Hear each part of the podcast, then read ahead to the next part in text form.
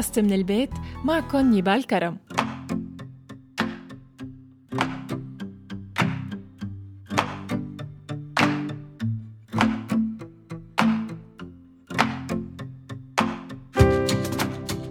مرحبا لاحظت شي مرة لما قعدت مع ناس أو مع أصدقاء إنك كنت بكامل طاقتك ونشاطك وفجأة هبط مزاجك؟ أو كنت متحمس لفكرة معينة وشرحتها لصديق وفجأة حسيت إنها فاشلة؟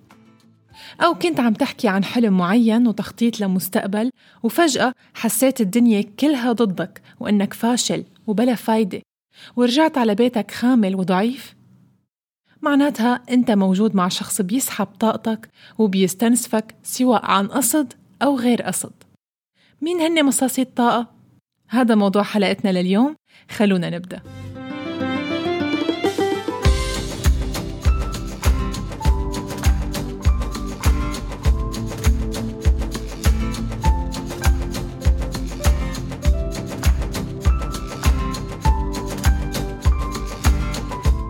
بمر الإنسان بمواقف متعددة ومشاكل بحياته وأوقات بتسبب له مشاعر مختلفة حزن، خوف، كراهية، عداوة، ضعف، تخاذل وغيرها من الصفات الناتجة عن تعرضه لمواقف سلبية تجتاح حياته وبتنعكس على كل جوانبها.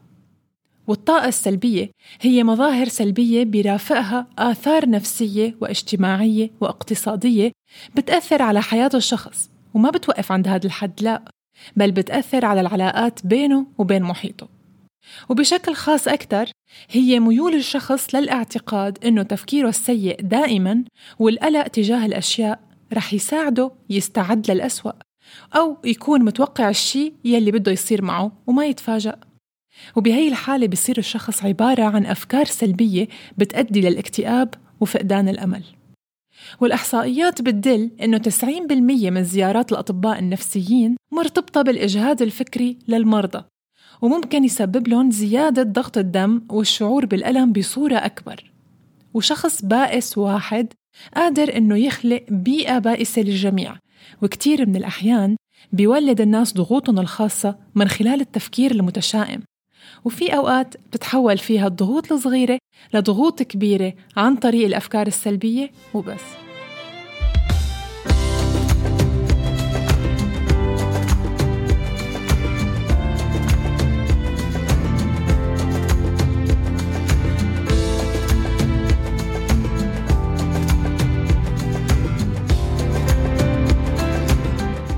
طيب من وين إجت السلبية؟ السلبية بتجي بالمجتمع عن طريق العادات السيئة والأفكار المتوارثة عبر الأجيال. وممكن تكون عن طريق الاستبداد السياسي والتدهور الاقتصادي وتراجع الأخلاق الاجتماعية.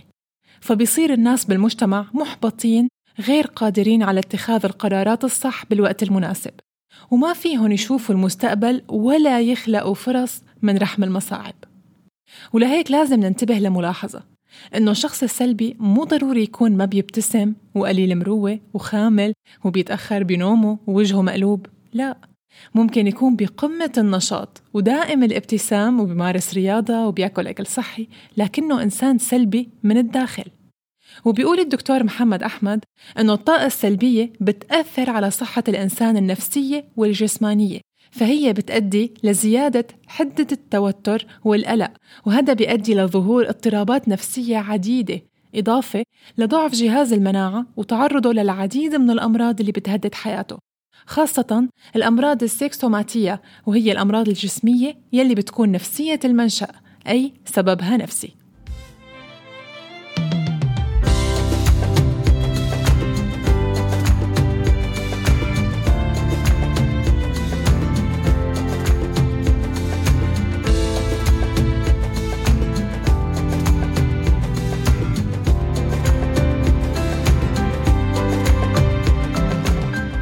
طيب مين هن مصاصي الطاقة؟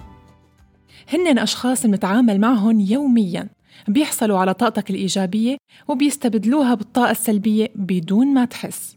وبتلاحظ على حالك إنك بتخاف ترد على مكالمة شخص أو بتتردد تحكي معه وبتتلبك لما بيقول إنه جاي يشوفك أو يقعد معك. وبتحاول تتهرب منه وما بتقدر وما بتعرف كيف بدك تعتذر منه وبتخاف من زعله الدائم. وبس تبدأ الحديث معهم فورا بتتبدل حالتك للأسوأ. ومن أهم صفات الشخص يلي بيمتص طاقتك وبيستنسفك إنه بيخليك تخاف منه وتصير بحالة قلق من السؤال والاستجواب والتعامل معه. هذا الشخص بيطلب منك الاهتمام والعطف وبيحملك مسؤولية وضعه وبيخليك تعتذر له رغم ارتكابه الغلط. هذا الشخص اللي بيطلب منك الاهتمام والعطف وبيحملك مسؤولية وضعه. بيمثل على طول الضعف والبكاء لما بيوقع بالغلط ليستجدد عاطفك وبيخليك تعتذر له رغم ارتكابه للغلط.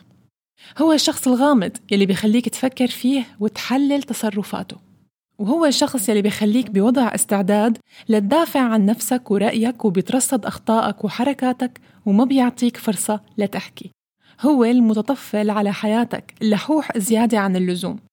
هو المتذمر ودائم الشكوى بيشكي لك مباشرة أو على صفحات التواصل الاجتماعي. هو يلي بيحمل الناس مسؤولية أخطائه وبيتحكم بحياتهم. على طول بيعيش دور الضحية حتى لو ما كان مزبوط الوضع. ممكن يكون هذا الشخص معنا بالبيت بالجامعة بكل مكان. ولما منقعد معه منحس بمشاعر غريبة وما منعرف سببها. هن أشخاص بيعيشوا على استنزاف غيرهم.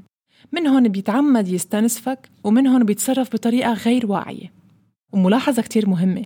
أهم الشركات الكبرى تستخدم هدول الناس بتطوير موظفينها لحتى يعطوهم شعور إنه العمل هو النجاح الوحيد بالحياة وبيحصروا نجاحات الإنسان بالنجاح الوظيفي فقط. فبصير أي شيء خارج نطاق الوظيفة الثابتة هو غير ناجح وبتتحول حياته لعدم استقرار وعدم أمان.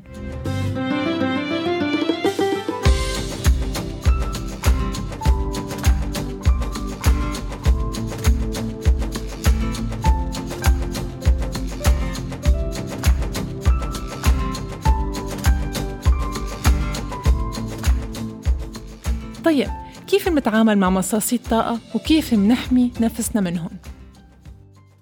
واحد لازم نقلل من الجلوس معهم قدر الإمكان. اثنين تعلم مهارة إنك تقول لا لتوقف الحديث بالوقت يلي ما بيعجبك. ثلاثة حافظ على طاقتك قد ما بتقدر.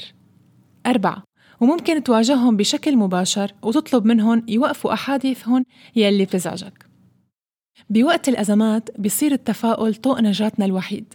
مندور عليه مشان نهرب من ظلم الحياة القاسية ولحتى نبتعد عن عدوى الطاقة السلبية يلي بينشرها الناس لينفسوا عن اللي بداخلهم من حقد. لهيك لازم نستبدل الأفكار السلبية ونتحمل المسؤولية ونعمل الشي يلي منحبه ونعبي وقت الفراغ بهواية منحبها ونمارسها. وإذا حابين تعرفوا كيف نكون إيجابيين أكثر فيكن تسمعوا الحلقة الثالثة الإيجابية العبور بسلام على كل التطبيقات المذكورة.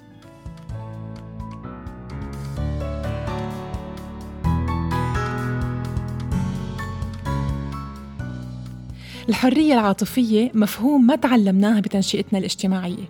فالقيمة المسيطرة على سلوكياتنا هي الخضوع وكل شيء بيتفرغ عنها من تعاطف دعم تجاهل وتسامح. ونحن ما تعلمنا كيف نمارس هي القيم بإطار يحفظ كياننا وخصوصياتنا وسعادتنا الذاتية. وهذا اللي بيحتاجه كل اللي بيعاني من اقتحام الآخرين لحياته وسيطرتهم عليه. بودكاست من البيت. كنت معكم نيبال كرم. للقاء قريب وحلقة جديدة. بشوفكن على خير يا رب. bye bye.